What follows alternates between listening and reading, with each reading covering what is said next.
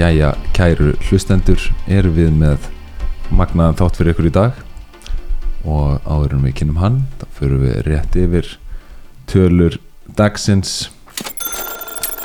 Eitt bitcoin stendur í 6.048.000 og fyrir eina íslenska krónu þá færði 17 sats. Þannig það er búið að vera svakarlega uppsveifla á bitcoin undanfari og styttist í ETF tilkynningu. Deadline á 8. januar ef mér minnir rétt. Og þannig þetta stefnir fljótt í það. Uh, bálkahæðin at the moment er 824.353 og við erum 92,5% komnir inn í þessa þetta epoch þetta fjögur ára tímabil á milli helminga uh, í táttinn til okkar dag er mættur í stúdióið engin annar en herra Ísmæl á Twitter.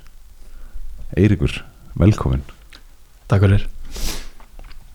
Við erum miklir aðdándir þínir hérna á Bitcoin-byltingunni og höfum verið að hvetja fólk að bæði fylgja þér á Twitter og uh, lesa þær greina sem þú ert búin að skrifa og erum mjög spenntur að fá þig í þennan þátt til að spjalla um austuríska hagfræði Jep, ég bara hefur að koma og komið tím til fyrir lengur síðan. Já, klárlega, við höfum bara viljað að gera þetta í uh, face to face og fá þig ynga til okkar. Það verður svona miklu náttúrulegra spjalli einhvern veginn heldur en að gera uh, online. En þar sem þú ert búsettur erlendis þá get ég alveg ímynda mér að við tökum eitthvað þætti uh, í gegnum interneti Já, þegar framleiða stundir mm. um, Já, kannski bara byrja að heyra hvernig þú svona dettur inn í Bitcoin. Um, Já. Ég basically kynnist Bitcoin 2017 um, þegar okkar samiðli vinnur, frendi minn uh, Víkingur kynna mig fyrir Já, og um, já, hann eiginlega bara svona tekur mig og nokkra aðra á þeim tíma og sérst niður með okkur og segir bara herðu, nú ætlið þið að kaupa Bitcoin? Og ég bara svona ok, ekkert mál. Og þú veist, ég vissi alveg að hann var, hann var búin að vera mikill svona veðmála gæja á þeim tíma og ég svona, ég treysta þessu eða ekki? En þú veist, ég ákvaði svona að skella til því að hann líka alveg svona færði nokkuð góður auk fyrir því. Akkur að meikaði sens og en ég var ekkert eitthvað mikið að setja minni þá fyrst en ég kefti eitthvað örlítið á þeim tíma og svo bara leiði svolítið tímin og ég held minni rétt að ég svona, bara svona jæmt og því að kynnti ég mér þetta aðeins og ég var ofta að spurja hann þú veist, að hann var svona gæðin sig að leita til með þetta og spurt bara á ég ekki að vera að kaupa veist, Ethereum, ég ekki að skoða veist, eitthvað annað? Og hann bara nei nei, slepptu því, ekkert að pæla í því. Og ég bara, "Nei, ok, ok, ekkert mál og svo þetta kynni, kynni ég mér þetta svona hægt og rólega og þú veist hvað er út af hvað það gengur og og síðan er það ekkert fyrir hausti 21 að mér minnir eða 2020 mann ég hvort alveg en þá les ég Bitcoin standard bókina. Einmitt. Og þegar ég geri það þá er eiginlega bara ljósaberan hafa kveikt á hann og Hún vill oft gera það. Já, ég get alveg sagt að það var svipað hjá mér eftir Bitcoin startaði algjörlega mm og og svo einhvern veginn bara eitt leður öðru og maður bara fer alltaf dýbra og dýbra án í kannhólun og kynni sér bara fleiri og fleiri þættir sem skipta, ma eða skipta maður máli og hvernig snerta mann er náttúrulega þetta misjáft sem ég fá áhuga á á, hvað ég segja, psychedelics sem, ég fá áhuga eins og ég á östurski haffræði og það er bara þar er ég allan að minna áhuga í svolítið Einmitt. Og, og ég beði lengi til að hann Seyfitin gaf út hérna, Principles of Economics bókina núna, ég held að hann hefði komið út í sumar. Mm. og ég kaup hann eiginlega bara strax. Ég var að býða mjög mikið eftir henni og ég kefti líka á saman tíma hérna Praxeology frá Knut, Já, okkar maður, Knut. Okkar maður sko. Og ég byrjaði að lesa hana og hún svona hún var fínt myndi ég segja svona alveg gott introduction svona áður en ég fór í þú veist þingri bókina Seyfitin sem er sérst Principles. Einmitt. Og þetta er einmitt uppliðis nákvæmlega sama að maður les Bitcoin standard og þá einhvern veginn fer maður að átta sig á þessu öllu. En eins og ég var að segja við vinnmunum daginn að þá er einhvern veginn Bitcoin inngangur að austurísku hagfræðinni. Og þegar maður gerir sér grein fyrir henni þá fer allt einhvern veginn að smetla saman af því að maður, þú veist, maður byrjar að finna á sér að það er eitthvað ekki í lagi samfélaginu. Svo kynnist maður Bitcoin og áttur sér á af hverju Bitcoin hjálpar við að leysa það. En síðan ennþá dýbraði það en það að þá með austuríska hagfræðinni þá gerir maður sér grein fyrir hvernig bara allt hagkerfið virkar og hvernig þetta er hvernig einmitt uh, allt fungerar og maður fyrir að sjá auðveldara í gegnum legarinnar Já, og þú veist það sem er kannski svona líka það sem ég var þú veist að því ég var búin að heyra austuríska hagfræðinni því ég var svona, þú veist, var bara að kynna með Bitcoin fyrst og, og ég svona hugsaði svona, ok, þú veist, hvað, hvað er austurísk hagfræði, þú veist, er það ekki bara eins og vennilega hagfræði? En þú veist, hún er, hún er í rauninni þú veist, að því mér langar alltaf svona að reyna að útskýra á einfaldan hátt hvað er austurísk hagfræði út og hvað gengur. Og þú veist, í svona einföldu skilningi þá kennur hún bara fólki veist, að raukstiða, bara hugsa raukrétt bara hvað, hvað veist, hvernig við hagraðum og hvernig við veist, að virkar að að búa til og framlega hluti bjóða upp á þjónustu bjóða upp og, og framlega vörur. Og hvað, hvað það eiginlega skilar af sig og, og, og þannig. En þetta er ekkert, hún kennir ekkert hvernig átt að vera ríkur eða, eða eitthvað þannig en hún, getur, hún er bara svona meira framework mm. hvernig við sem menn virkum og búum til virði og þess bjóðum öðrum upp á virði. Já, einmitt. Og líka svona hvernig þú kvatakerfin, hvernig þau virka á okkur sem menn í mi- mismunandi aðstæðum. Já, mér fannst það einmitt ég, ég sjálfur kynntist svona svona incentive structures pælingunni svolítið í gegnum austuríska hafræðinu ég skildi ekki alveg incentives eða kvata fyrir en ég var aðeins búin að kíkja á austuríska hafræðina Mm. og við tókum náttúrulega eitt kurs hjá safetyin já. þar sem hann fór vel yfir þetta kurs sem er mjög, mjög svipar og Principles of Economics er, er byggð á svo bók í rauninni byggir svolítið á hans kjenslu í, í hérna austuríska hafræði já, einmitt Já. og ég held sé bara fínt að taka þannig þátt svolítið fyrir og kafa þess í já, hvað austurísk skæfræði er og hvað er svona sem uh, við höfum fundið svona að vera mest uppljómandi uh, hvað var þar má ég, Þetta skjó, fag. má ég spyrja samt að einu sko, hérna, að því að þú eins og ég, sko, þetta byrjaði að einhvern veginn að smetla þegar eftir að las Bitcoin startan- standardin hvað var það sem að þú tókst svona frá Bitcoin standard, standardinum fyrst mm, sko ég ætla að með minnir það sem að svona mest hjá mig var hvernig hann kafaði bara onni í peningasöguna. Og þú veist Mhm. hvernig peningur kom til hvernig, og hvaða tilgangi hann þjónar í okkar samfélagi. Og hann færiði þú veist bara góð rauk fyrir þú veist hvað er góður peningur og hann síndi þú veist hvernig áður fyrir við höfum notað þú veist rísgrjón, salt mm og þú veist, perlur úr sjónum og þú veist bara hvað basically var það sem að gengdi góðu hlutverki sem peningur -hmm. og hvernig við endum á að finna þú veist að gull var besti peningurinn. Mm og, og svo hvernig hann einhvern veginn ber saman þú veist, gull og bitcoin það fannst mér bara svona já, fyrir mér opnað hugan og þú veist, þú veist ég má bara að segja þú veist, það sem að gera góðan pening góðan er að þú veist, hann þarf að vera það þarf að vera liquid, þú veist, það þarf að vera til árið nægt magnaði og hann þarf líka að hafa hátt stock to flow ratio sem því er basically það er mjög erfitt að búa til meira pening. En meira, veist, bæta við núverandi byrðastöðu peningsins. -hmm.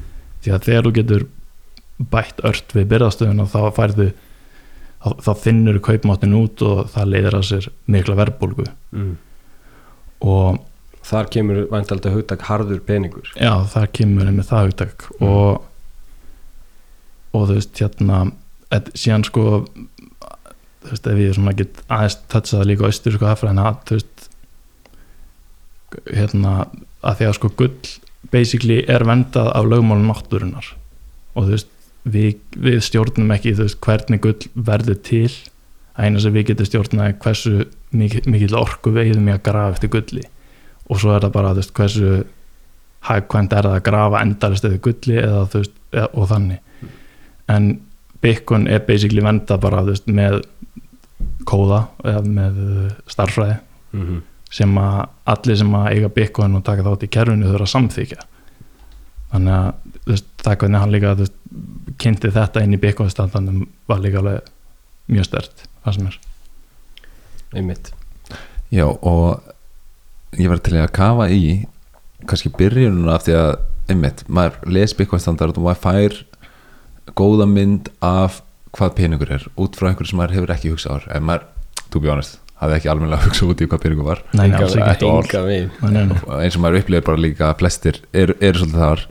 En, en það sem ég fílaði við að fara síðan í hagfræðina og principles of economics er að maður fer miklu dýbra með það og ekki bara hvað peningur er heldur bara hvað eru uh, hvað eru vörur innan hagkerfis og af hverju þurfum við að hagræða uh, í fyrsta lagi.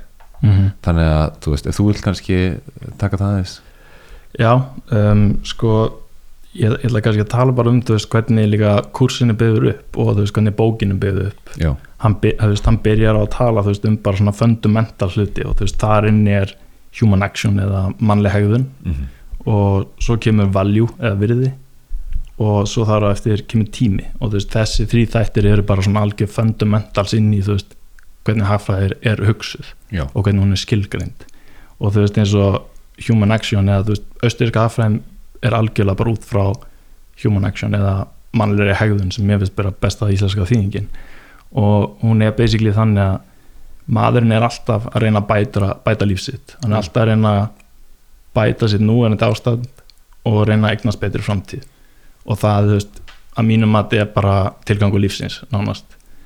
Þú veist, þú ert alltaf að reyna einhvern veginn að gera þitt líf betra og, og hagfræðin gengur út á að bara skil, skilja hvernig þú gerir það á fjárháslegan hátt í rauninni. Mm. og svo já, þú veist, og virði þú veist, ef við getum líka að tala um það virði, veist, allt virði er huglegt Já, og það er náttúrulega, ég, ég er að hára mikið í þessum þætti á því en Já, já. að það er samt svo uppljómandi hérna uppljómandi hvað sem er já, bara, já. hugmynd. Mm af því að maður gerir sér svo be miklu betur grein fyrir um, hagfræðinni og líka hvernig það skarast á við eins og hérna, kommunisma og sósialisma sem byggja svolítið á að þú veist, virði sé ekki endilega huglagt og þarna, að það sé mjög alveg uh, hvað hva, hva, labor theory of value og Já, íslensku er bundu við basically tíman svo eðir í vinnuna þeina já, og þú veist, þeir vilja meina að þú veist, allt, allt virði er, er svona, já, púra sósialismi og púra kommunismi gengur út að, að virði er algjörlega bundu við tíma sem er eittur í vinnuna. Mhm. og þú veist, besta dæmið þar er, þú veist, við tölum um köku, veist, kaka sem tekur þrjá tíma að búa til. Mm.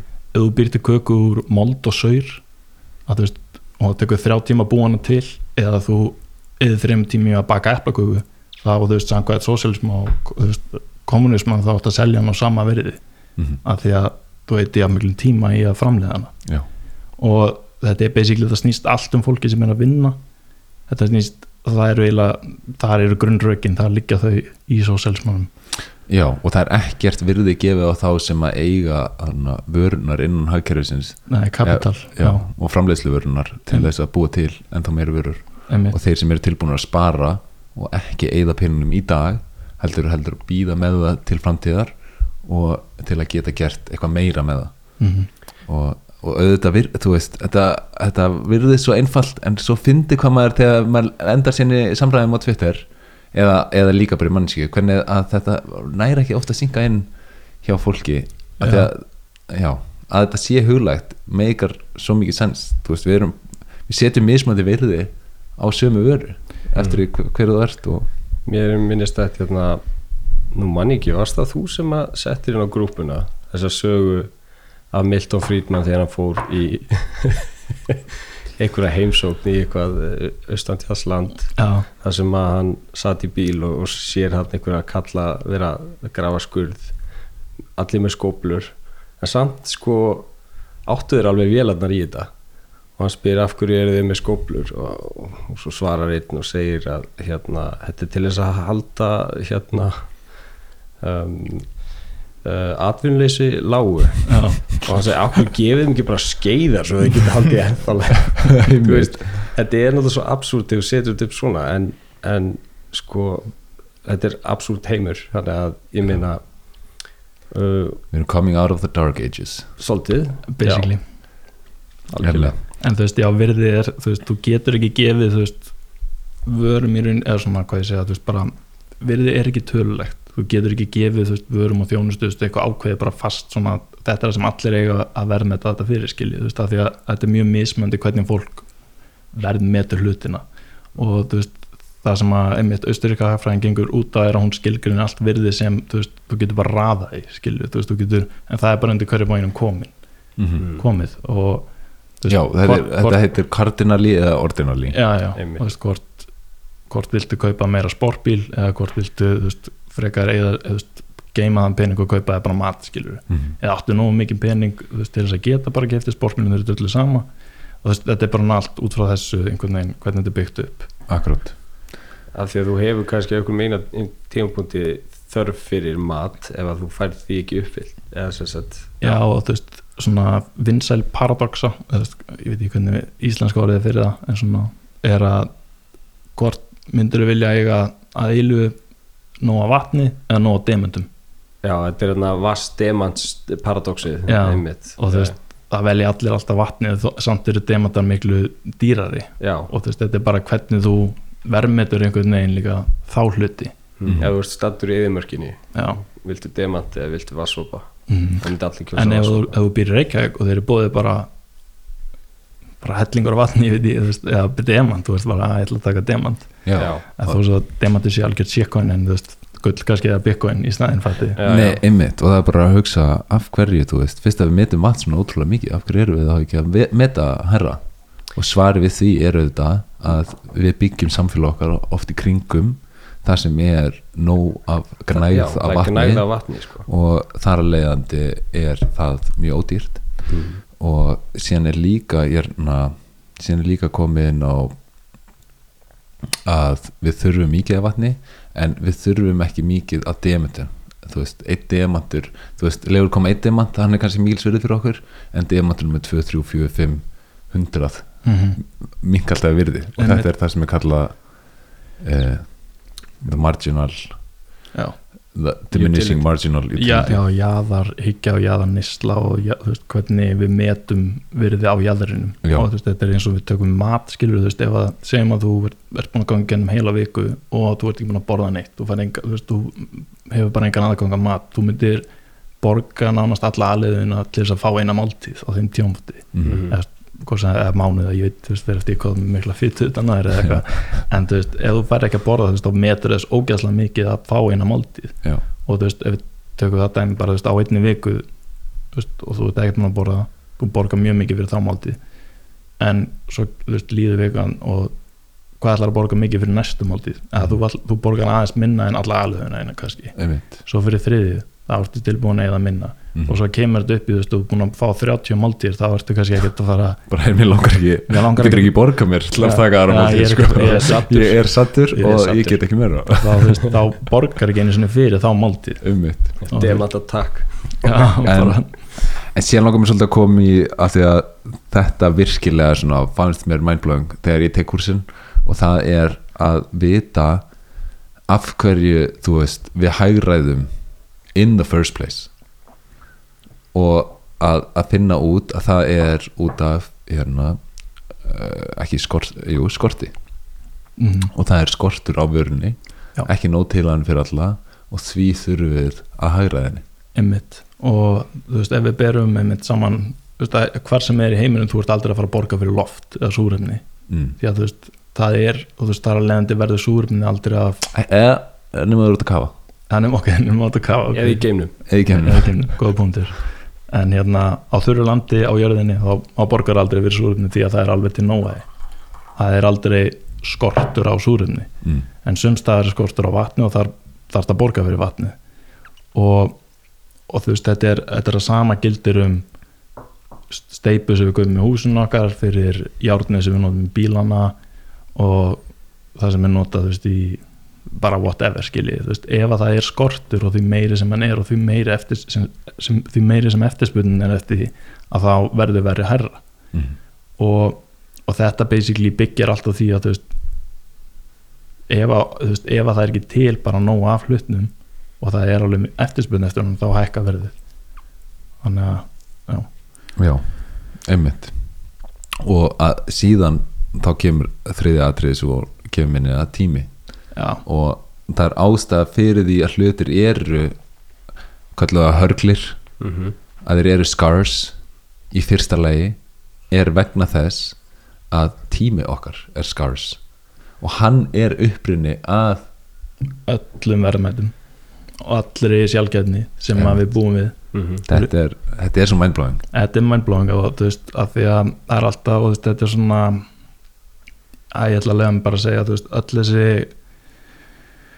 climate hysteria þú veist hræðsla við uh, að við sem að ganga auðlindi jarðar og við sem að klára upp alla óljuna sem er til í jörðinni og bara hvað sem er og þú veist máli er að þú veist að því við sjáum alltaf endarast alla vöru hækka í verði að þá höldum við alltaf svona ok þú veist þær eru að verða sjálfgjafur og sjálfgjafur og það eru erfur og erfur að sækja þessu vörur.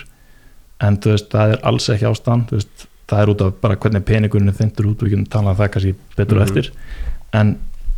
við við, þú veist, eina, þú veist, og þetta er, þú veist, ef við tökum ólíu sem dæmi er að byrðast að ólíu í heiminum hún er stanslust að vaksa þú veist, við eigum alltaf meir og meiri ólíu þó svo við notum alltaf meir og meir af henni. Og þú veist, hún er að hækka miklu hraða byrðastaðan heldur en það sem við neytum. Og það eina sem að við er bara bundið við þar er bara hversu miklum tíma við eigðum í að grafa eftir olju eða bóra eftir olju versus að gera það ekki og þú veist að nýta tíman í eitthvað annað. Og þú veist tíminn þú veist, er í rauninni það eina sem er algjörlega fullkomlega sjálfgæft fyrir utan byggkonu þetta í heiminum sem að við basically bara það sem við búum við. Og þannig að já.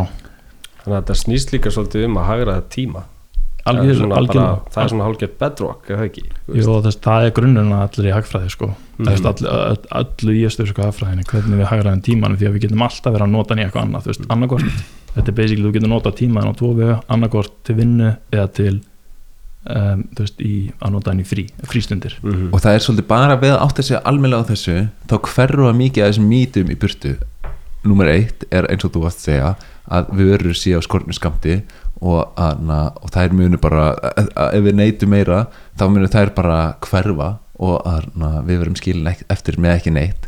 Um, og til að svona afsanna þann punkt þá er seifitin alltaf að hamra á þessu betti sem átti þessi stað einmitt, milli tveggja uh, manna. Já, eitt var hérna Simon and já, Urkel. eitthvað- Man- ég man ekki alveg. Ehrlich. Early, Ehrlich, Simon and Ehrlich. Og það var eitthvað með uh, veist, annar þeir var hægfræðingur og hinn var uh, jarðfræðingur eitthvað? jarðfræðingur, ég man ekki hvað það var, var það, ég held það. Já, og við myndum klára allar, allar sko, allar málma og allar auðlindir uh, Já, hann allan að held í fram að sko að það er mun, mun dýrara að, veist, eh, hann, val- völdu einhver 25 hérna afriður, hérna vörur sem við gröfum upp úr járskorpunni og þeir eru allar miklu dýrari eftir 10-15 ár mm. og, og hagfræðingurinn sagði bara, nei, það er ekki sjens þú veist, því að hann skildi basically hvernig það virkar, hvernig fólk eigði tíma sínum og, og hvernig bara vörur og þjónust að fá virði veist, og, og hann basically sagði bara, ok, ég er tilbúin að veðja við því, hvað var það? Einhverjum slatta pening. Einhverju fjötpenningar ja, einhverjum fíja peningar hérna, að hann, hann segast að vöruna myndu lækka í verði en ekki hækka. Einmitt af því að jarðfræðingun horfði bara á þetta ok, það er til svona mikið byrðir af öfurum og við erum að neyta þess mikils og það er að fara vaksandi oh my god, það við erum að fara að renna út. En auðvitað var hann ekki að gera grein fyrir að fólk myndi setja meiri tíma í að leita þeirri veru og að tækni myndi kannski fleita fram sem gera auðvöldara að ná í meira þessar veru og einmitt ótrúlegt við óljuna að byrðinar okkar eru bara at all time highs þrátt fyrir að neyslan og mannfólk sé að aukast. Mm -hmm. og það, það er annað sem er svolítið að- að maður áttar sér svolítið á að, að þú veist áður fyrr þá var maður svolítið undir því hugafari að þessu Bill Gates hugafari að við séum og mörg. Já, og það er alltaf mar- mikið af mannfólki og við þurfum færri þú veist, til þess að geta lifa á þessari plánundu en þegar þú ferð að hugsa þetta frá austurískafræðinni þá er það sem er mest í skortur á er tími fólks mm. og að við þurfum miklu meira fólk. Eða þú veist. Já, og þú veist, það er einmitt málið. Og þú veist, að því að við, það sem er að gera slíku ástæðan fyrir að þú veist, þess að vöru verða stanslist ódýr og öll þjónust að vera stanslist ódýrari er að því að við erum líka að finna upp skilverkar leði til þess að algjörlega. vinna þessa vörur eða grafa eftir þeim eða bjóða upp á þjónustuna. Og þú veist, bara eins og gott dæmi er bara út í búði hérna, þú veist, við erum komið með fullt af sjálfsakurslu sem við þurfum ekki lengur fólk til Já. þess að sinna þeirri vinnu. Og þú veist, við, við finnum leiði til þess að veist, beita tíma samfélagsins í hluti sem krefjast meiri mannfólks Já.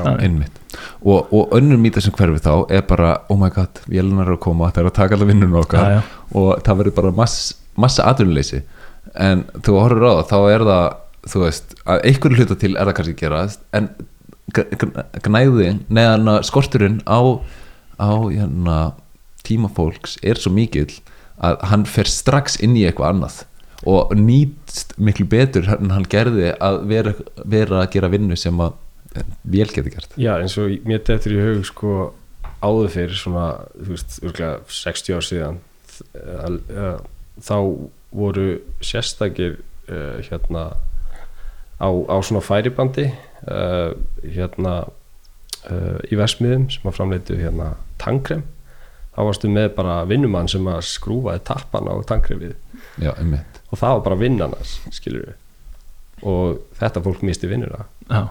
en ég meina, er þetta samt ekki vinna sem vilt helst losna við sko, og fara að gera eitthvað betra? Já, þú veist, þú ert í rauninni bara við, þú veist, þetta er líka það sem framgangur samfélagsins gengur út á er að bara verða skilverkari og beita Já. tíma fólks og orku í hluti sem að krefjast þess virkilega. Og þú veist, við erum stanslust að verða skilverkari en við vorum, þú veist, áður Mm, fyrr mm. og þannig það, það, það, það er það sem það gengur allt út á og þú veist, æmi langaði líka að koma inn að þegar við vorum að tala um hérna, við erum að ganga á jörðina og, og það er að Seifedín tekur dæmið í hérna, einmitt í hérna einum, í, í kaplanum sínum um tíma mm. að þú veist, ef við berum saman hérna, flatamál jarðarinnar og hvað við erum búin að grafa mikið ofinu jörðina er að þú veist, ef við berum saman flatamál jarðarinnar við fótboltöðl er að þá eru alla námur á jörðinni á stærð við lítið skrippborð og ef við berum rúmmálið saman að þá er að ef við erum með olimpíusundlög hvað er hún 50 metrar á lengd og 12 brautir á breytt Mhm. að þá er það sem við erum búin að grafa ofan í jörðina á stærð við halvan bolla Já, af vatni.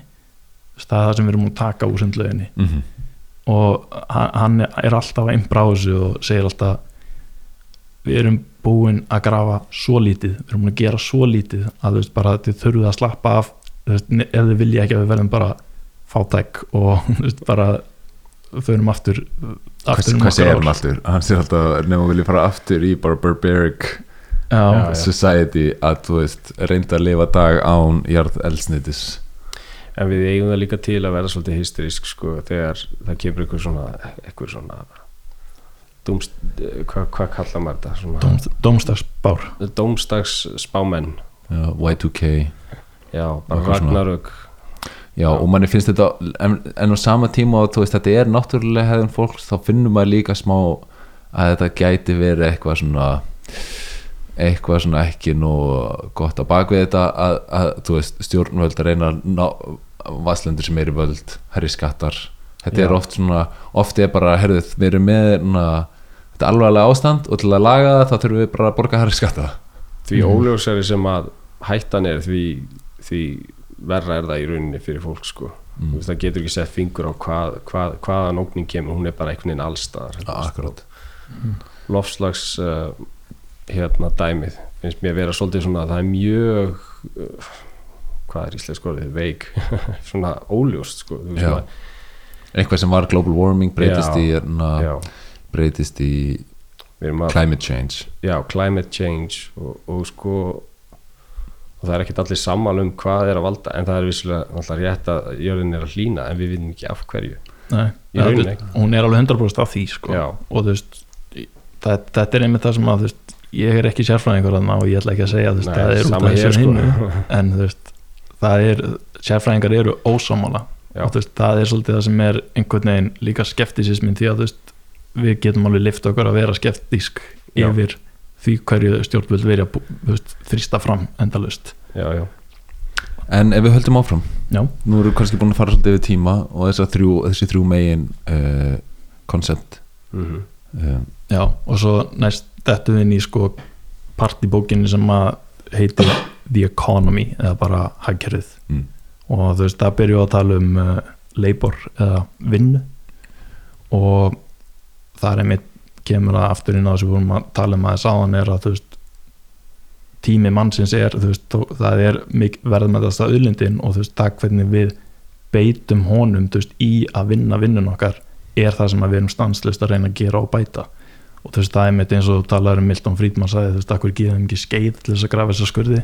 Er að þú veist þetta er ekki það að fólki vant þú veist, við þurfum að passa okkur að vera ekki, fleiti ekki tæknin og mikið fram veist, til þess að fólk að vinnu heldur erum við alltaf að finna hagkvamari og skilverkar leið til þess að veist, til þess að vinna veist, til þess að sinna þess að vinna og veist, beita tímunum okkar í. Einmitt. Og þú veist einmitt eins og eitt partur sem hann kemur inn á í kaplanum er þú veist, mun, munum einhvern að hætta að vinna. Mm. og þú veist hann basically, þú veist, conclusion er bara, nei, ekki séns. Þú veist, við munum, þú veist, ég held að Keynes hafi sagt að, þú veist 1930, þú veist, að um 2030 eftir 100 ár sagði hann að fólk mun kannski þurfa að vinna, þú veist 15 tíma í viku eða eitthvað þannig. Já, og málið er að þú veist þarna kemur austurska hagfræðin inn er að veist við þurfum að veist vinna veist við þurfum að bjóða fólki upp á vörur og þjónustu áfram. Það mun stanslust vera eftirspurn eftir annars munum við bara stóla og bara já, hætta. Einmitt og þetta einmitt virðist vera svolítið innan Keynesian hagkerfis virðist vera smá stefna ég það ekki stjórnvalda og að veist það er alltaf verið að tala um að við þurfum að vinna minna og minna og minna og, og einhvern veginn að tæknin er að fleita svo mikið áfram að við þurfum bara við þurfum leið til að gefa fólki pening og það kemur UBI inn í þetta og fólk er að fara, þú veist þurfa að hætta að vinna því að verður einhver að vinna að fá út af tæknin fleitir svo mikið áfram. Mm. leður skilur haustur skapfræðina þá er það þú átt að fagna þið að tækninni fleitir áfram. Já, og að þú veist, þú ert ekkert að fara að hætta að vinna. Nei nei, enga veginn. Og þú veist fólk auðvitað bara að hafa frelsi til þess að gera það sem maður vill og þú veist ef að það er í þeirri stöðu en þetta er, Einmitt. það er ekki hægt að setja einhverja svona þvers, reglu þvert á samfélagi bara svona að núna eigum við að fara að minna, vinna þú veist minna. Já, því að þú veist, Stýting vinnuvíkunar. Já þú veist, þetta er svona þegar þessi er svolítið þvingað þvingað á þig. Mm já, æ, þú veist, ég veit ekki. Mér, mér finnst bara að fólki eigi svolítið að finna þetta sjálft einhvern veginn, út hvað það vill hvernig það vill vinna og, og hvernig ekki og þú veist, það fer bara algjörlega eftir þeirra stuð einmitt. Og þú veist- Sumir elska að vera í vinnu. Já, sumir ég elska ekki að vinna en veist, ég veit ég þarf þess sko, Já, já. þannig að Já, þetta er líka svolítið svona eins og þú veist, þegar við komum inn á tímavalið time preference og að það er svolítið hátt, hátt time preference að hugsa að þú, þú veist, viljir ekki vinna menn ég myndi sjá fyrir mér að það er látt á time preference að vilja skila að þér og vilja byggja upp eitthvað sem að krakkarniðinir eða barnabörn geta, þú veist, unnið áfram með og hafa eitthvað svona guður og markmið. Mm. um, Byggja og- og hluti það- sem að endast líka það, er, það er Ég hef oft talað um þetta Mér finnst þetta svo frústrerandi hvað við erum hvað er mikil fíat hugsun á bakvið svo margt í samfélaginu. Það er, og það er náttúrulega er þetta háa tímaval í rauninni sem að spila stertin í einmitt, ég, er með, er með mjög skemmtilegt svona dæmi þar sko, sem er mjög veist, að því að eins og ég byrjaði þáttina að segja er að austurska hafræðin hún gengur út að veist að færa svona að hugsa hlutina frá rökhugsunni og svona færa, veist, hugsa bara rökrétt og þegar þú talar um þetta það er svo margt sem við eigðum innviðum, bara kapital í að að gera á bara svona fíatátt sem að er ekki byggt til þess að endast Já, og þú veist mér er skemmtilega dæmi ef við hugsum um veist, eins og vegina hérna á Íslandi og hver, hver hugsan um vegina á Íslandi veist, er, það er ríkið. Já. ríkið ber ábyrð á vegunum á Íslandi. Og ef við hugsum um veist í dag þá kaupir ríkið þjónustu frá engaðalum til þess að gera við og viðhalda sínum vegum. En ef við hugsum bara ef að ef vegir væru engaveðir hvernig ef, og þú veist við berum saman incentivið þú veist bara kvatan hjá fyrirtækjum ef að, þau, ef að vegir eru í engaegu eða ef að þau eru í ríkisegu þú veist, hvatin hjá þeim sem að þú veist, til þess að viðhalda ríkisvegum er bara hjá fyrir þeim fyrirtækjum er bara, ég vil bara halda fram að viðhalda vegum, Mhm. ég vil bara fá einn tekjur til, þú veist, fyrir það að laga vegi. Já, ég hef enga kvata fyrir þú veist, að byggja veg sem að endist mjög vel og ég þarf lítið að viðhalda. Akkurat. Þar er, þú veist, akkur ættu þeir að gera það þá, þú veist, þá verður bara minna að gera hjá mér á endanum, já, á meðan að þú veist, engaðilar þeir myndu vilja bara, ég vil eða bara góðu fjármagni í að bara búa til góðan veg sem ég þarf ekki að viðhalda stanslust já, og þú veist, þannig að það, veist, þetta er líka það sem að austuríska hagfræðin kennir svolítið bara skoða bara hver kvatin er fyrir hverju, þú veist, hverju hvort þú viljir enga veða, hvort þú viljir ríkisveða þá er hvatinn náttúrulega fyrir engaðalinn að, að hérna eins og þú segir, gera þetta vel svo þú þurfir ekki að eigða meiri tíma og peningum í að viðhalda þessu, Einmitt. það, það meikar alveg sens sko. En sem er svo fyndið af því að þetta er vanlega fyrsta sem maður hérna, sem fólk segir þegar maður er bara herru, skattur er rán og, og so on að þá er, já, en hver er að byggja vegina Mm. og það verðist oft svona einmitt, og hver er að reyka leikskólan og skólana? Veist, við sjáum í dag, veist, það eru hræðilegt ástand leikskólamálin hérna á Íslandi. Já og þetta verðist alltaf vera bara svona, það verðist alltaf vera vesen og skortur á mannfólki hjá þessum ríkisreknu stofnunum. Já, þú veist, þetta er líka, þú veist, ég var um þetta ég átti spjallum þetta bara fyrir stöttu veist, og hérna að, þú veist, eins og bara bara leikskólamálum, mér finnst þetta svolítið skemmtilega að, að, að pæli þeim frá þessu sjón, austurska sjónamiðin er, veist, að markaðinu fær ekki að leysa þetta vandamál, veist, þetta er búið að setja fyrirfram skilgrind, þú veist, skilgrinda reglur er að fólk þarf að klára ákvæmna mentur sem tekur fimm ár til þess að hugsa um börnin og veist, ég ætla ekki að gera lítið úr það að það er alveg krefjandi að hugsa um börn en þetta er svona þú ert, þú ert farin að gera þetta ferli mjög erfitt og veist, það er komið mjög mikla svona mjög mikið træða inn í það að leysa þetta vandamál því að fólk þarf núna að menta sig þetta í fimm ár og, og svo er það líka bara fast verð sem að þú veist, má rukka fyrir leikskólaplás og þú veist, ég veit alveg að það eru það er alveg fólk að núndi sem áurugla pening sem myndi vilja bara geta borgað og bara fengið sitt barnin á leikskóla. Já, svo veist, það sé ekki tilfellið hjá öllum. En þú veist, það er einhvern veginn bara þessi træða í kerfinu búin til já, út og og hún kemur allt til frá allri ríkisaðkomu. Já. Og svo líka heyrir maður að fólk sko, já ríki þarf að gera eitthvað í þessu. Veist, það er þessi, það verður svo háð öllu já, sem ríki gerir. Það er einhvern veginn svona uh, hvað kalla ég þetta?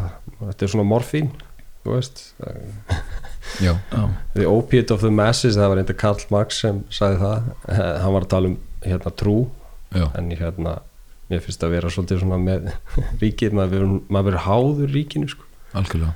Þannig að og verður allt mjög ljóst með kannski Eh, líka einmitt svolítið þetta. erfiðara líka þá að, að hérna koma með einhverja kreatífa lausnir af því að þú veist, eða það verður allan að mínum að erfiðara. Já, því þú ert bundið með þessar hömlur einhvern bundi veginn. við hamlutnar akkurat Mhm. mm og þú ert bara fastur inn í einhverjum ákveðnum ramma sem þú verður að fylgja.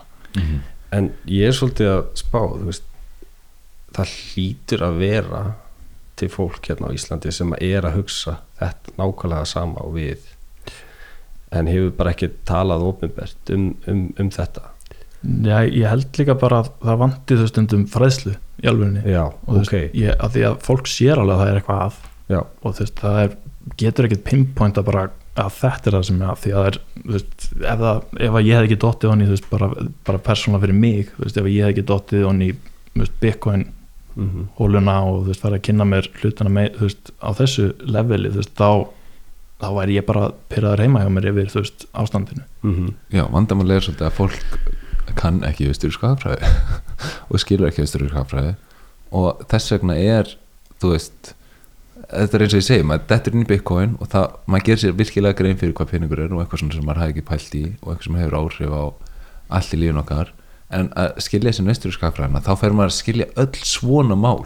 Já, öll, allt umtal um eins og þú veist leikskóluna, sjúkrahúsin og hana veginn og svo framvegis mm. er að maður sér þetta í gegnum þessa linsu og það verður bara virkilega augljóst. En auðvitað eru margir sem myndu koma þá og segja bara en já, en hvað með fólki sem á ekki efni á þetta í skóla? Já, Já, og það er valit á, eða sko, á, valit áhyggjur já, algjörlega. Já, en að, að, að gera sér grein fyrir samt að innan þú veist innan kerfis það sem það væri frálsir skólar sem að fólk borgaði fyrir að setja krakkarnir sín í að þá væri miklu meiri samkefni og þú væri með allan skalan að þú væri bæðið með einhverju mjög dýra skóla þar sem að krakkar eru bara kafið eða eitthvað en síðan væri með mjög mikið úrval af alls konar skólum og, og þú veist, af því að það er komið heilbritt kvatakerfi að þá verður þjónustan ódýrari hún verður betri og hún verður eins og allt annað sem þú upplýr eins og þú veist sjómarpið þitt verður alltaf betra og ódýrara. En er það ekki mitt frjálsmarkar? Ég meina er það ekki svona svolítið the holy grail? Jú. eða Jú. mín- þú veist að mínu mati. Mhm, já, mitt það er mín skoðin já, Eða, þú veist, hún lei- þú veist, frjáls í mark eða, frjáls markaði leysir mjög mörg svona já, þetta er auðvitað bara þjóriða, þannig sé að því að þú veist, við höfum aldrei búið við frjálsamarkað en Nei. þú veist, það er svona, maður beitir bara lógíkinni að þú veist, hún mun leysa mjög, mjög marga hluti mm. og, og gera það svona náttúrulega og, og á, já bara á miklu betra hátt af því að það er eitthvað svona mýta yfir þessu frálsmarkaður en að þú veist en síðan þegar maður pælir því, þá er það bara svona auðvitað auðvitað er lausnin að einstaklingurinn sé frjáls og það er einhvern veginn fallega og rétta uh, leiðin áfram. Og það er svona, já, fyllum mann af miklu von. Og það sem er oft sko, þú veist, gaggrinni þú veist, samfé í samfélaginu er að veist, það mun vera til svo mikil einokun þú veist, ef þetta fær að þrýfast sann- þannig. Og veist, það er oft beðið svona, akkur ger ekki, þú veist, akkur gefa stórfyrirtækin ekki meira tilbaka, þú veist, akkur gefa samir ekki meira tilbaka inn í samfélagið eða fólki sem á blálóni eða, veist, whatever sem að bara eiga fá mjög mikla tekjur inn er að, þú veist, í dag, veist, þá eru náttúrulega að því peningurinn er eins og hann virkar er að, þú veist, þá er þann, þá virk, þú veist, ef þú átt mikið peninga þá er auðvitað fyrir að, þú veist, eig- eignast meiri pening og þú veist, þeir, þeir sem eru þú veist, með stór batteri, að þú veist, þau geta fjármagna sig á mun ódýrari kjörum heldur en þú veist, almenningu getur gert og þá er hann, þú veist, með ódýrari lánveitingu Mm. eða þegar vextir hækka að þú veist, þá bara setja þeir peningar sinni á banka og ávast á miklu hraðar. Og þú veist, þetta er þú veist líka það sem að er átt býr til þessa einokun Mm. á markanum og þú veist bara gott dæmi er til dæmis að ég ég vinn hjá tryggingafyrirtæki og shame. Shame.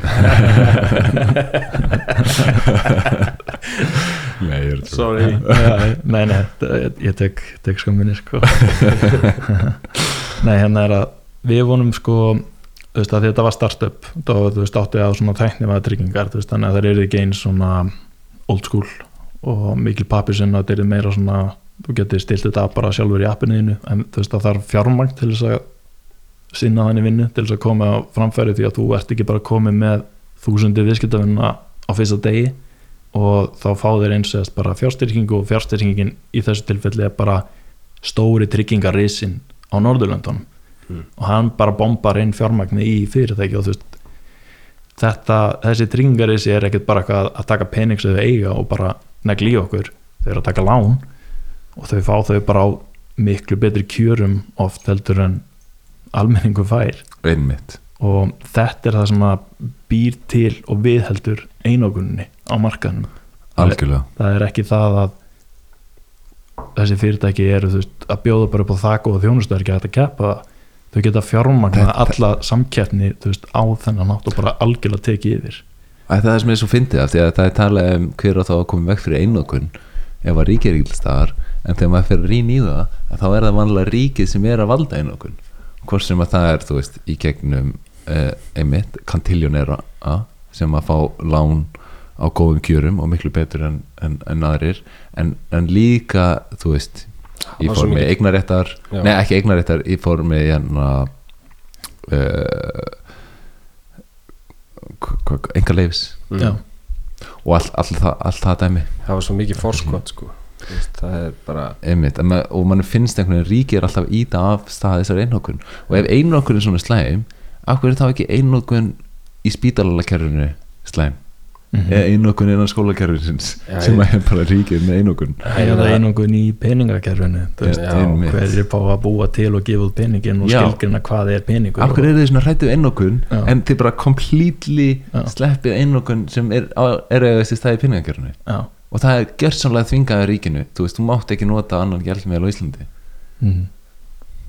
þetta er svona tunnel vision held ég, held ég bara sjáur ekki þegar þú ert að hrærast í þessu bara sjáur eða þú veist, það, e- eins og þú segir þú veist, maður þarf að kafa svolítið djúpt í þessi grundvallar atriði fyrst til þess að svona fá þetta eureka eða epiphany moment sko. Einmitt og bara Guðið sér lofa að við erum á lifandi núna upplýsingöld við erum að fá miklu auðveldara ódýra aðgengi að stanslisu bara fræðsluefni. Já, þannig að þú veist, fólk er núna bara þú veist, það er, veist, það er eiginlega óumflýjalegt einhvern veginn að fólk bara er, fari á veist, fræðið sér sjálft. Já, þú veist, þú ert ekki lengur með línulega, dagskrá og rúfskilur sem að segja veist, hvað hva áttu að hlusta og, og hugsa skilur, þú getur núna bara farið basically hvert sem er og auðvitað þarftu jú, jú, að passa upp á, þú veist er þetta rétt eða, veist, er þetta hvað kjátt það er mikið að rusli líka sko. Mjög mikið að rusli og veist, þannig að þú þarfst auðvitað að taka ábyrðaði sjálfur og, mm. og það er, já, en, en þú ert, þú ert tölvunarfrækur, eða ekki? jú, ég er sko já, ég er með bíaskræði, rámasarskræði og tölunafræði og jú, vinn sem tölunafræðingur Vá, mér finnst þetta að vera svolítið svona algengt að þeir sem að læra eitthvað svona verkfræði þeir, þeir ná byggur og þessu öllu svo, já, svo, svo rætt sko. Klálega. Og það er af því að þú þarft að hugsa þú veist, innan til dæmis lokaðs kerfis já, já, og skilja hvar, hvað er leki og, og mm, einmitt, og hvað svo legur já, þess að þetta þarf að vera En og líka- það er það sem að þú kemst fljótlega að því að Fiat kerfið er ekki. Líka bara svona, þú veist, eins og þú varst að tala um upplýsingöldin, þú getur sóttir í rauninni mentun að þú bara eigði tíma í það, Já. þú veist. Og hérna nú er þú búin að vera að stúdera austjúska hagfræði og, og hérna þú ert samt ekki mentaður hagfræðingur nei, eitthvað vinn einmitt, enga veginn og mér finnst þetta bara, mér finnst þetta magnað mér finnst þetta ótrúlegt mm. og þetta er held ég bara það sem við erum að fara að sjá í veist, auknu mæli og veist, ég held að veist, þetta er náttúrulega bara mín kenning einhvern veginn er að mentun mun ekki lengur vera eitthvað sem að fólk þarf að skuldsetja sig fyrir þó svo við séum í fítnistöðu hérna á Norrlöndunum og Já. Íslandi þú veist, samanborið bandaríkin er að þú veist, það er bara það er að fara degi út, þú getur ekki lengur verið að rukka þú veist, fleiri fleiri, fleiri miljónir skilur fyrir að bara menta því að núna eru þú veist, þetta var þannig að veist, það var bara erfitt að fá aðgang af þessu, þessu efni og þú þurftir einhvern til þess að kenna þetta en núna getur þú veist, fólk fengið bara leiðbynning ódýrt Mhm. og, og fræðsleifni bara að sjálfdóðum já, og svo er fólk að menta sig kannski fleiri, fleiri ár og stór skuldugt eftir og er að borga niður námslánin og svona, þú veist, þetta er, þetta er, þetta er erfitt fyrir suma sko. Þetta er mjög erfitt og þetta, þetta er líka það sem að austuríska hagfræði eða, ég veit ekki hvort sé endilega austuríska hagfræði en þetta er allan að sem Seyfitin talar um er að veist, þekking og hugmyndir eru ekki sjálfgef auðlind. Mm. þú veist, þú er, allt sem að er sjálfgeft í rauninni er eitthvað sem að tekur tíma að vinna og framleiða. Mm. en þú veist, ef þú ert með bara því fleira fólk sem þú ert með því fleiri hugmyndir færðu út af því fólki. Mm. og þú veist, þannig að þetta tengið svolítið inn í þú veist, alla mentun og og já, bara allar upplýsingar er að þær verða bara á endanum fríjar Mm ef, þú veist, af því að þetta er bara fólk sem, er, þú veist, um leið og deilir hugmyndinni með einhverjum, þú veist, þú átt ekki, átt ekki lengur þá hugmynd þá. -hmm. og þú veist, það binst svolítið inn í einn, einn á köflónum hans sem að er undir hérna aðgjörnu sem heitir property eða eignir Mm. og þú veist, eignir er eitthvað, þú veist sem að, þú veist, er áþreifanlegt. En um leið og þú þú veist, eins og hugmyndir, það er ekki áþreifanlegar um leið og deilið með einhverjum og það áttu það ekki lengur, þetta er eins og með Bitcoin, ef ég myndi segja ykkur, þú veist, prívatleikilin minn, það á ég hann ekki lengur. Já, þú veist, þá, veit, þá vitið þið þá hafið þið upplýsingar af bara af þeim pening. Já bara, eh, ég oft hugsað til þess svona engaleifi, stundu tala um það. Eh, bara dæmi hérna síklarleif mm veist, þau eru ódýr í nót, eitthvað af þessu síklarleifum er mjög ódýr af því að þau engalefið er einhvern veginn runnið út þannig að þá getur hver sem er í rauninni framleitt þetta og þetta er alveg lífsnöðsilegt en svo koma ný síklarleif á markað og þau eru rándýr. Já. það er af því að leifafyrirtæki það á engaleifi á þessu. Einmitt. Og hérna en í rauninni finnst mér það svo klikkað. Þú ert, í- þú, ert, í- þú ert í rauninni bara að hamla fólki þú veist betra lífi. Akkurat, akkurat og þess vegna finnst mér svo eins og einn gæi á Twitter og þekktur Martin Skrelli. Og þú veist, ég er ekkert að tala fyrir Martin Skrelli. Nei, sem hann, þú veist, er þekktur fyrir og var dæmdur í fangilsi fyrir að vera að kaupa lif sem höfðu enga leif á sér voru lífsnöðslega fyrir fólk og hækka verðin á þeim. Mm já, hei, Um, já, einmitt. allir benda á hann sem vondagæjan. En hvernig væri bara að benda á þú veist, hver er að búið til þetta kvatakerfi já, hver er að setja engarleifi á lífsnöðsynlega lif svo að það sé hægt að, að jacka verði upp. Já. Og það, þú veist, það er það sem er síðlösa veist, í þeir, þeir fóru það var einhver, ég hlustaði á einhvern podcast áttum þetta uh, sem að ég man ekki alveg hvað þáttu var en þú veist, þau voru eitthvað að fara yfir þú veist, hvernig þú veist, þessi, hvernig verð á livjum virka og þú veist, hva- þú veist, af hverju þú veist, þau eru þau leifa sér að rauka svona mikið fyrir þau og þau, þú veist, allir halda bara svona já, það fer rosa mikið tími og þú veist, vinna í að, þú veist finna upp uppskriftina á livjun en þú veist, þeir færður því bara, þú veist, það er inn á því 5% af kostnaðinum sem að þau oft skilin í kassan sem að þú veist sem að þú veist, það er í rauninni að þú veist, meirinn hlutin á kostnaðinum sem að fer í að framleiða og markasetta livjin er lögfræðkostnaður mm. og að koma sinn í gegnum FDA Úf, já, já, lögfræði kostnaður og okkur svona bjúrokratískur kostnaður þú veist, bæli hvað þetta er sjúkt þetta er, þetta er, er ógeðslega sjúkt þetta gerir maður bara pyrraðan sko. En, já, og, það, og það er það sem veist, ég, ég hef orðið mjög, of, mjög oft hérna segur um að vera bara pyrraður í minni þú veist, að, þú veist ég fer að kafa honi í hlutin og þú veist, þannig að ég er, svona, ég er að reyna að halda mér uh, á jákvæða nótunum og já, já, við skulum gera það.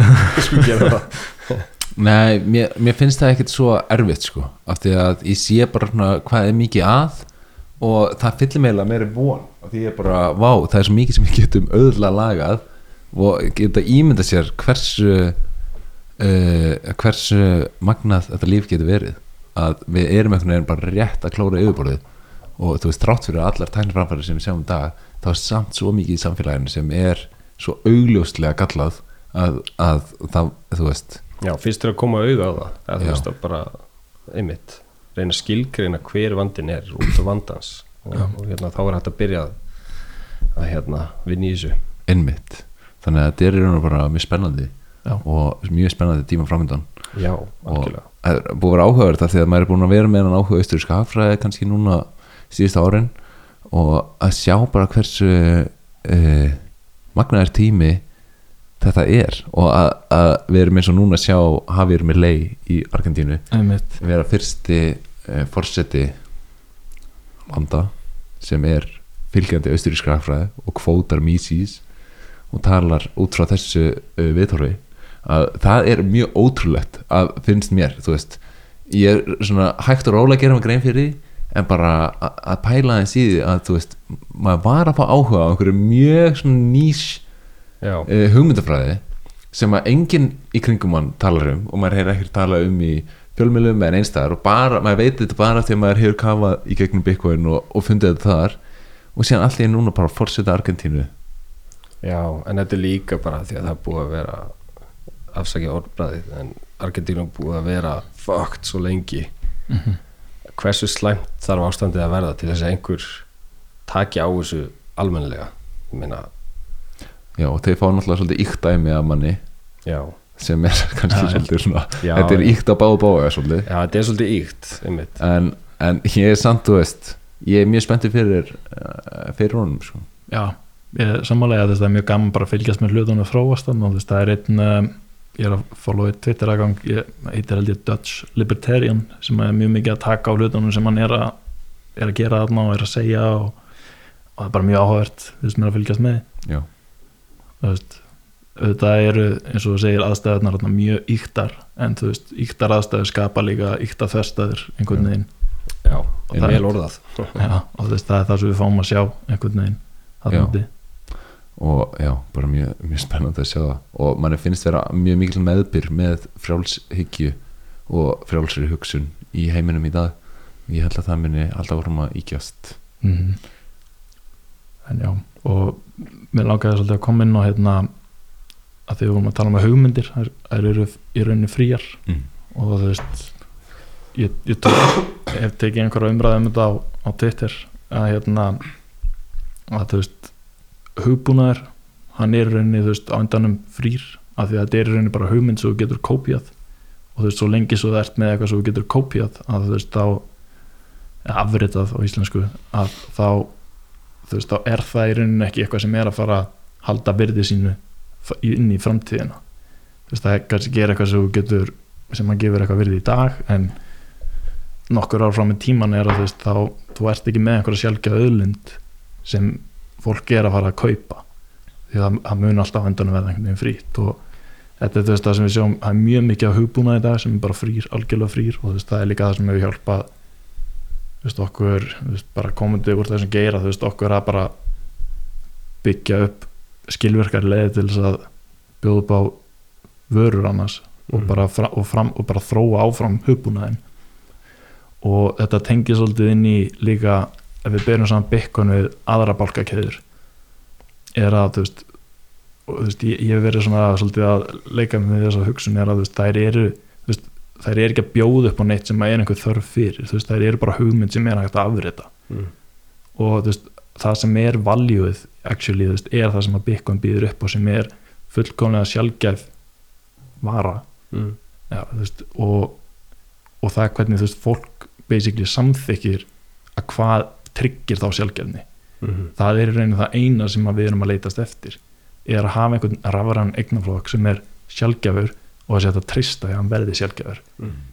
og þú veist, það er eiginlega finnst mér allt það sem að öll þessi bálkakeðu tækni gengur út á þannig þú veist, að tala um einhverja aðra bálkakeðu sem að koma með einhverja tæknilega lausni hvort sem er að ég veit ekki færa tölvuleiki yfir í það er, það er ekki valjú í því, veist, það er bara er bara hugbúnaður Mm. veist, hann, hann, hann hefur ekki að geima eitthvað svona virkilegt virði í sér mig, Mm -hmm. ég voni sér að ná að útskýra það Já, já. Nei, ég er klálega skiljaði og að eitt sem er áhugavert hérna er að það er talað um að virði hlutar trendar að uh, að kostnaðinum við að búa hann til Svona Mhm. jaðar framleiðslu kostnaði já. Já. þannig að þú veist og þess vegna og þess vegna sjáum við að eins og þú talar um hugbúnað að þú veist þótt að kannski eitthvað eitthvað svona hugbúnaður uh, byrjar að vera svolítið dýr að þá er þú veist mjög ódýrt að bara Þetta er bara kóði og emmi, þetta er bara Já. kóði og, Þetta er eins og Jeff Booth talaði um í, í þættinum, hann- komið dæmi með reikni vila appið í símanum þú Einmitt. veist, Einmitt. það er frítt já, það trendar að null Já, og að hérna en það var það ekki áður ég meina að þú þurfir að kaupa í reiknivel muni eftir gömlu hérna Já, já. reiknivelunum já, einmitt Já, það kostuð pening sko. og þá er áhugavert að taka þetta yfir í Bitcoin og að kostnæðurinn við að búa til er í dag náttúrulega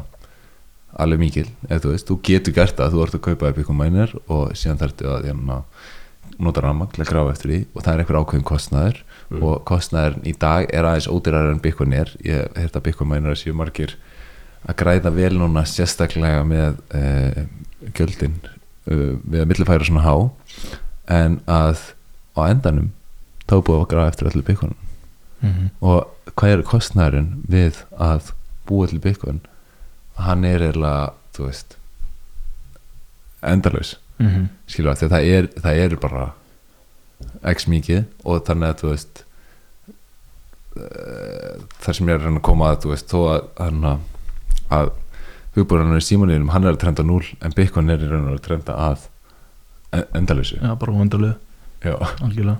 Óendalegu, já, einmitt. Að þú veist, það, það er fært um að bara sjúga að sér allt virði þannig séð sko. Veist, og þú veist, já, þetta er bara þetta er, þetta, þetta er bara það hvað fólk tristir, þú veist, hvernig það metur að, að veist, hvernig það getur trist eignafloknum mm og þú veist, það er bara að vaksa núna þú veist, þetta er þetta búið að vera svolítið fólk skeptist og, og þú veist, eins og einhver talaði um bara þú veist, það hefði verið rasjónal ef allir hefði bara fattað Bitcoin 2009 hefði komið út og bara geggja ég ætla bara að byrja að kaupa þetta endal bara negli inn í þetta. Já. en þú veist, þá væri við með störtlaða verðbólgu inn í kerfi líka á þeim tíma og þú veist, þetta, þetta er bara, þetta tekur tíma að fatta bara hvernig þetta virkar og þú veist, hvað er það sem að er að bjóða upp á virði. Mm. skemmtilegt svona dæmi er að hérna Bitcoin var 15 ára í gær.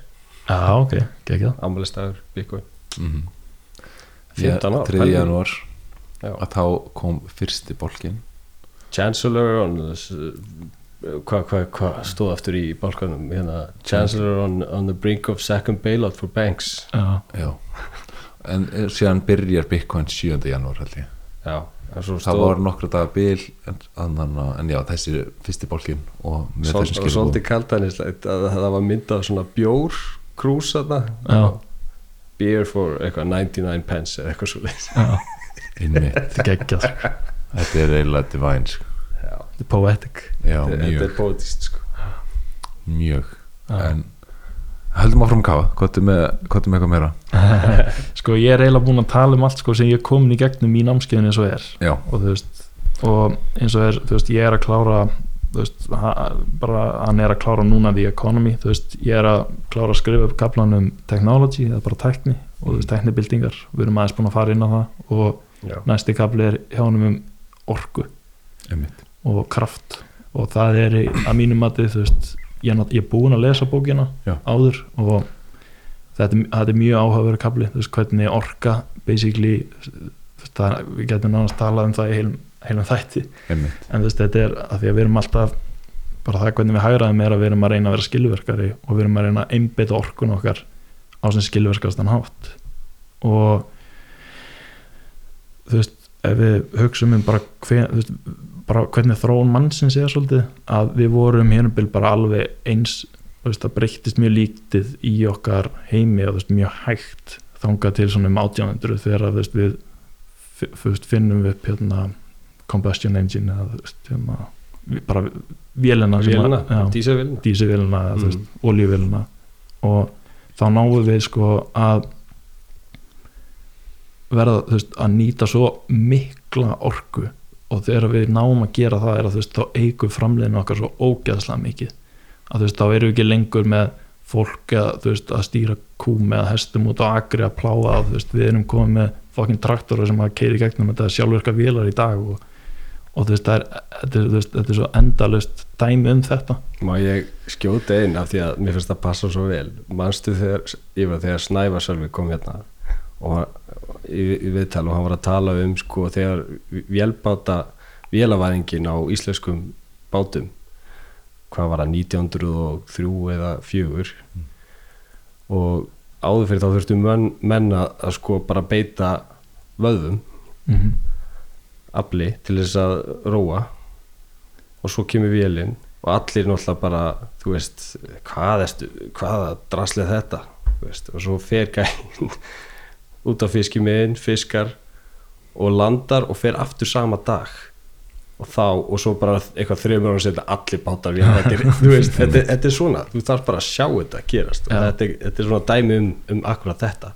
Var vöðvaafl versus bara dísivélin einmitt og þú veist, þetta þú veist, þetta byrjaði með eldnum fatið, fyrir þú veist, ég veit ekki hvernig eldnum var fundinu fyrir miljónum ára eða eitthvað. Og þú veist, þá náum við bara basically að nýta orku úr við og brennana og, og þú veist, þannig heldum við okkur hita hrættum frá okkur þú veist þú veist, hættur úr, úr náttúrunni þessum voru önnu dýr.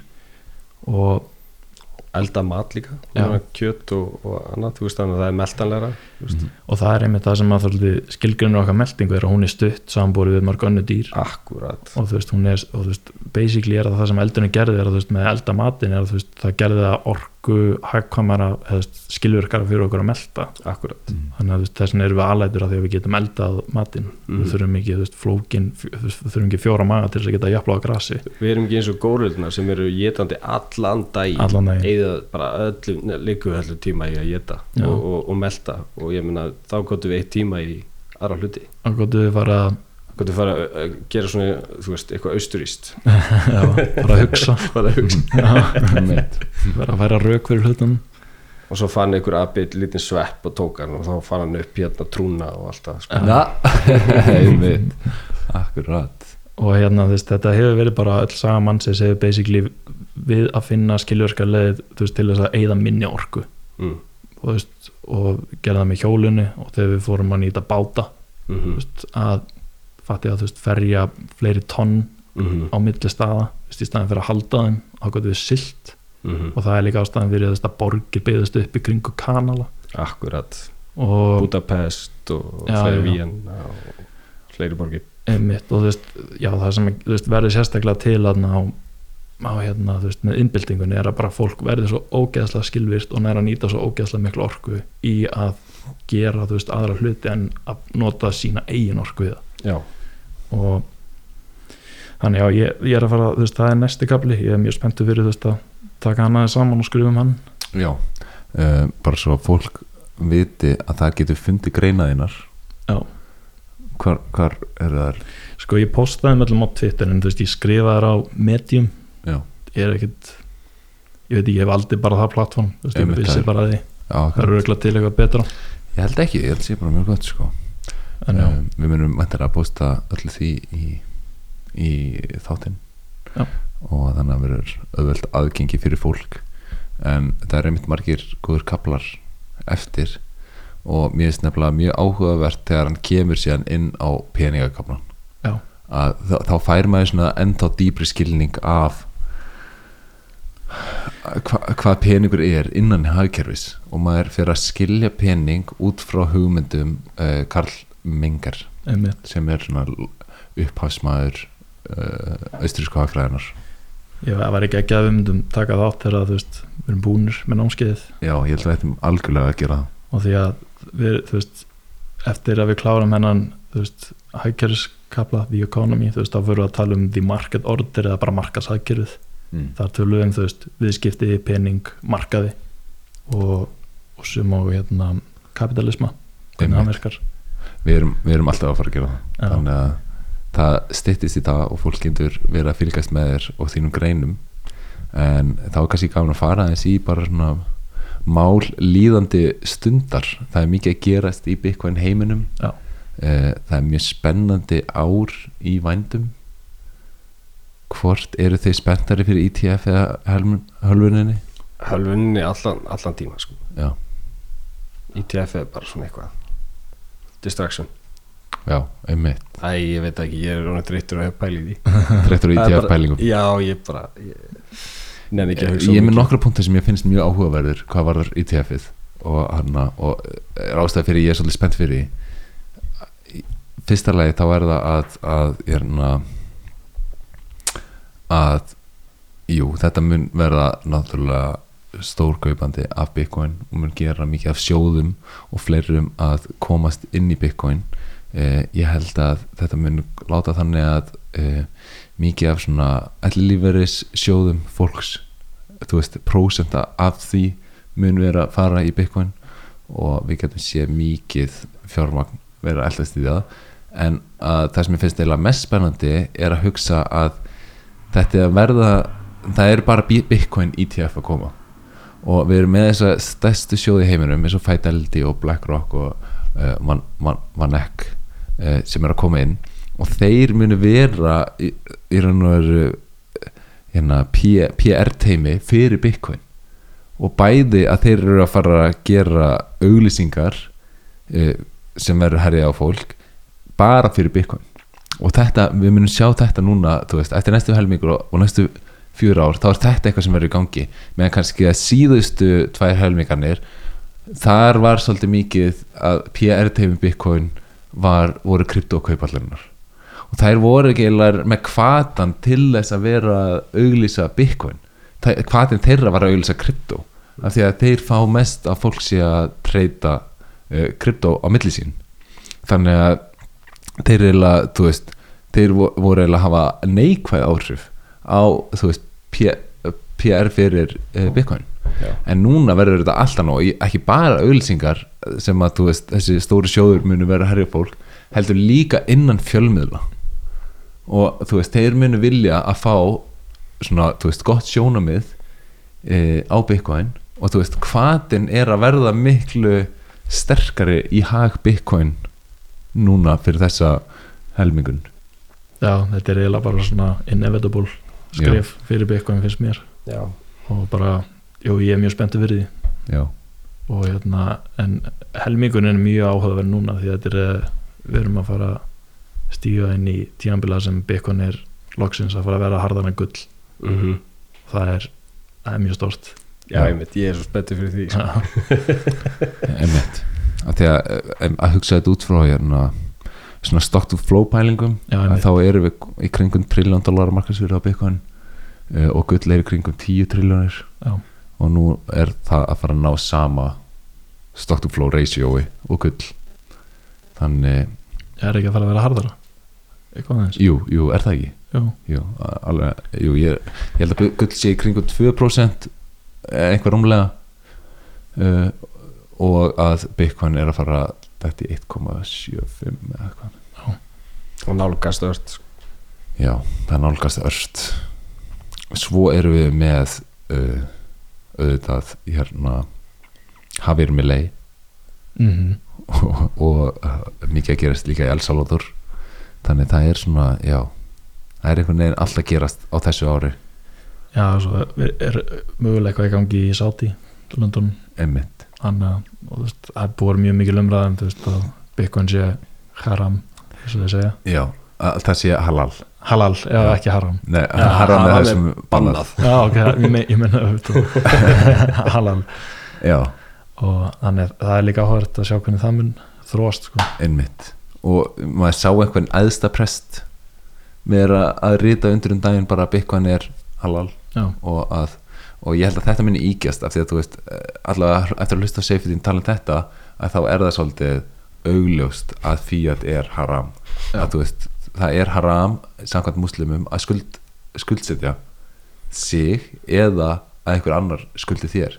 Já, og Fiat er skuldar peningur og þú eh, í raun og veru getur ekki lifað innar hagkerfis án þess að vera taka lán í dag eða það allavega er að fara aftræður ég er að spá hvenar, hvenar verður hérna, í Vatikaninu Páðin, hvenar verður hann veist, innmitt þegar að blessa Bitcoinir Vatikaninu er alltaf fullt af gulli sko, þannig að að þeir eru að framisa völd. Nema þeir konverti. Já, selja allt hérna, alla skarkripina og alla þessa rosalegu hérna, hálspensuður með allt skrauti innmitt og kaupi Bitcoin í staðin en maður sá líka hvaða land var þann daginn sem að er að fara er að negla miljórin dollara í að mæna byggun já, er ekki hérna uh, já, vá. Er ekki Beirut eða eitthvað? Bahrein Barín, já, já, Já. já, ég held það þeir eru að setja mjög mikið í gegnum hydro hérna Vasapls mm virkjanina sínas sem er, já mjög spennandi að sjá þessi en ég, mér lókar svo að spyrja því að nú erum við að tala um já, þú veist að tala um vassarvirkjanir og svona. Þú veist, er ekki Ísland í mjög góri stöð til þess að hvað að segja um, byrja sig upp að eitthvað svona? Jú, ég myndi segja það. Mm. 100% sko en þú veist ég held að það sé bara algjörlundi orkufyrirtækjunum, þú veist, þau eru þetta þurfa að taka, taka það skref bara. Mm og ég ég, veit eiginlega ekkert hvernig orkan er eða hver, hversu mikið er selja og hversu vel hún er nýtt. Já, en veist, þetta er náttúrulega þetta er langt besta leiðin til þess að selja annars ónýtanlega orku og umfram Mm. orku. Akkurat. Þú veist, eins og vassaflurkjanna þú þú þú, ert ekki að brenna fattari, þú ert bara með vatn sem safnast upp. Mm og ef þú ert ekki að láta það renna í gegn og þú veist, þá ertu bara þú veist, hvað sem er að fara að sóin ég bara ég ekki neitt því að það safnast alltaf upp vatn mikið af orkunni náttúrulega fer í álverinu og svona því að það er orkufrekur yðnaður Mhm. og við erum í rauninni að flytja út orku í formi áls. Einmitt, þannig að en mikið af þessari umfram orku er náttúrulega hægt að nýta í, algjörlega. í Bitcoin.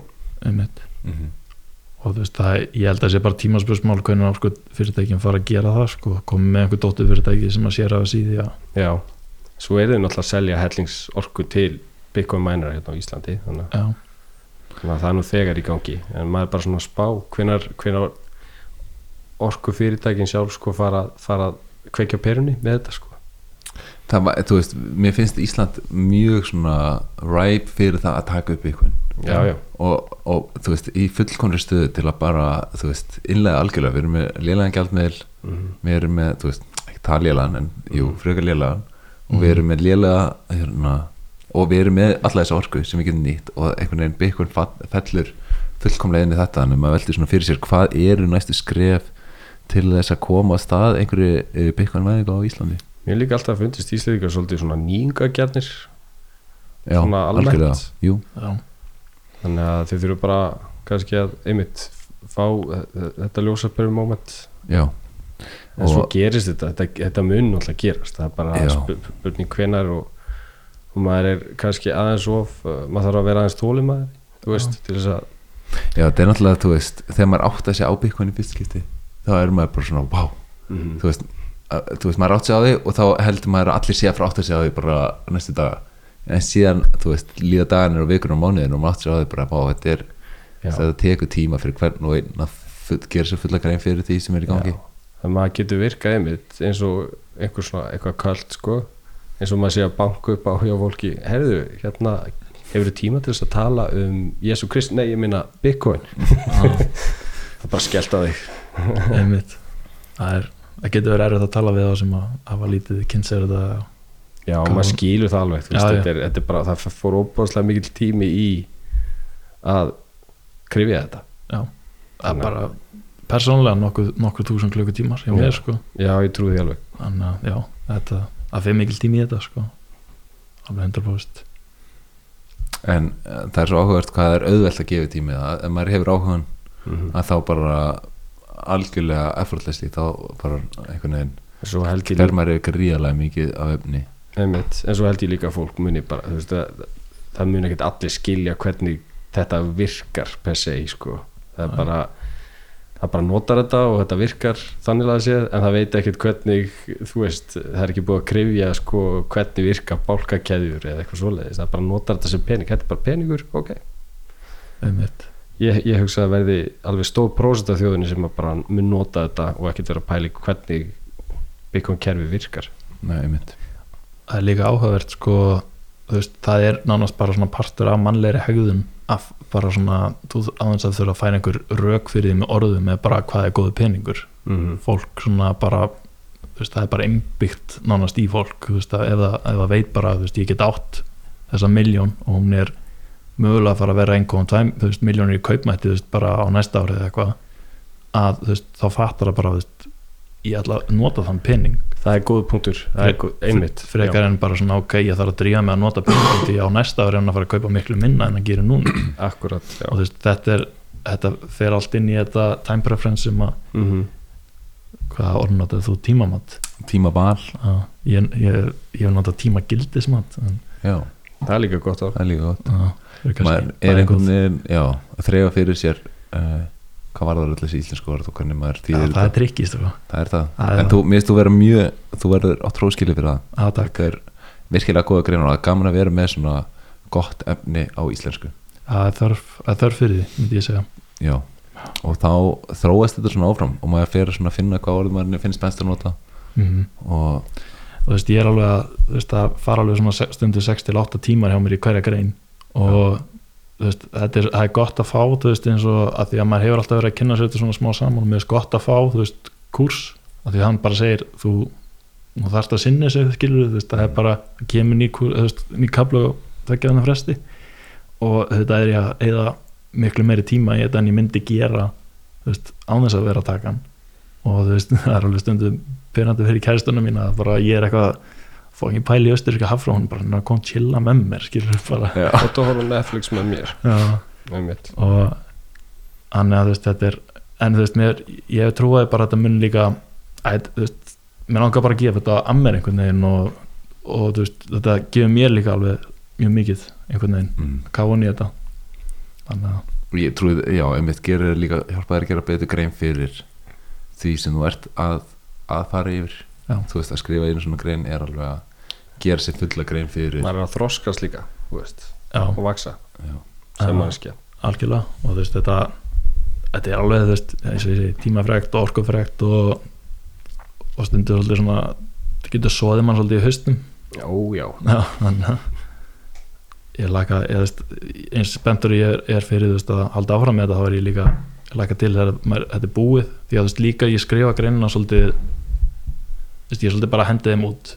Ég er ekkert eitthvað að fara mjög veist, mjög mikið að reitskoðaður eða, eða þannig, veist, ég lesi yfir svona ok, þú veist, eru setningar nokkuð degin stundum fyrst ég er svona, að, þú veist, gæti orða þetta betur en ég er ekki að fara að eyða auka tveim tímum með eitthvað, ég er bara svona að reyna að koma þessu ógeðslega vel frá mér, ég vil freka bomba þessu bara út mm og svo kannski mun ég næsta sumar að næsta haust fara yfir þetta og þú veist, reyna að koma þessu svona í einhvern betri texta, sjáum til það er ekki ekki að fá bók. Já, já, það var ekki ekki að en einmitt bara já, takk fyrir mjög gott spjall. Uh, við munum posta í þáttinn hvar fólk getur fundið, bæði á Twitter og á Medium. Og eitthvað sem við ætlum bæta við á lókum uh, nei, bara gaman að gaman að mæta, það er ekki það þetta er mjög gaman. Takk fyrir mig. Takk sem við leðis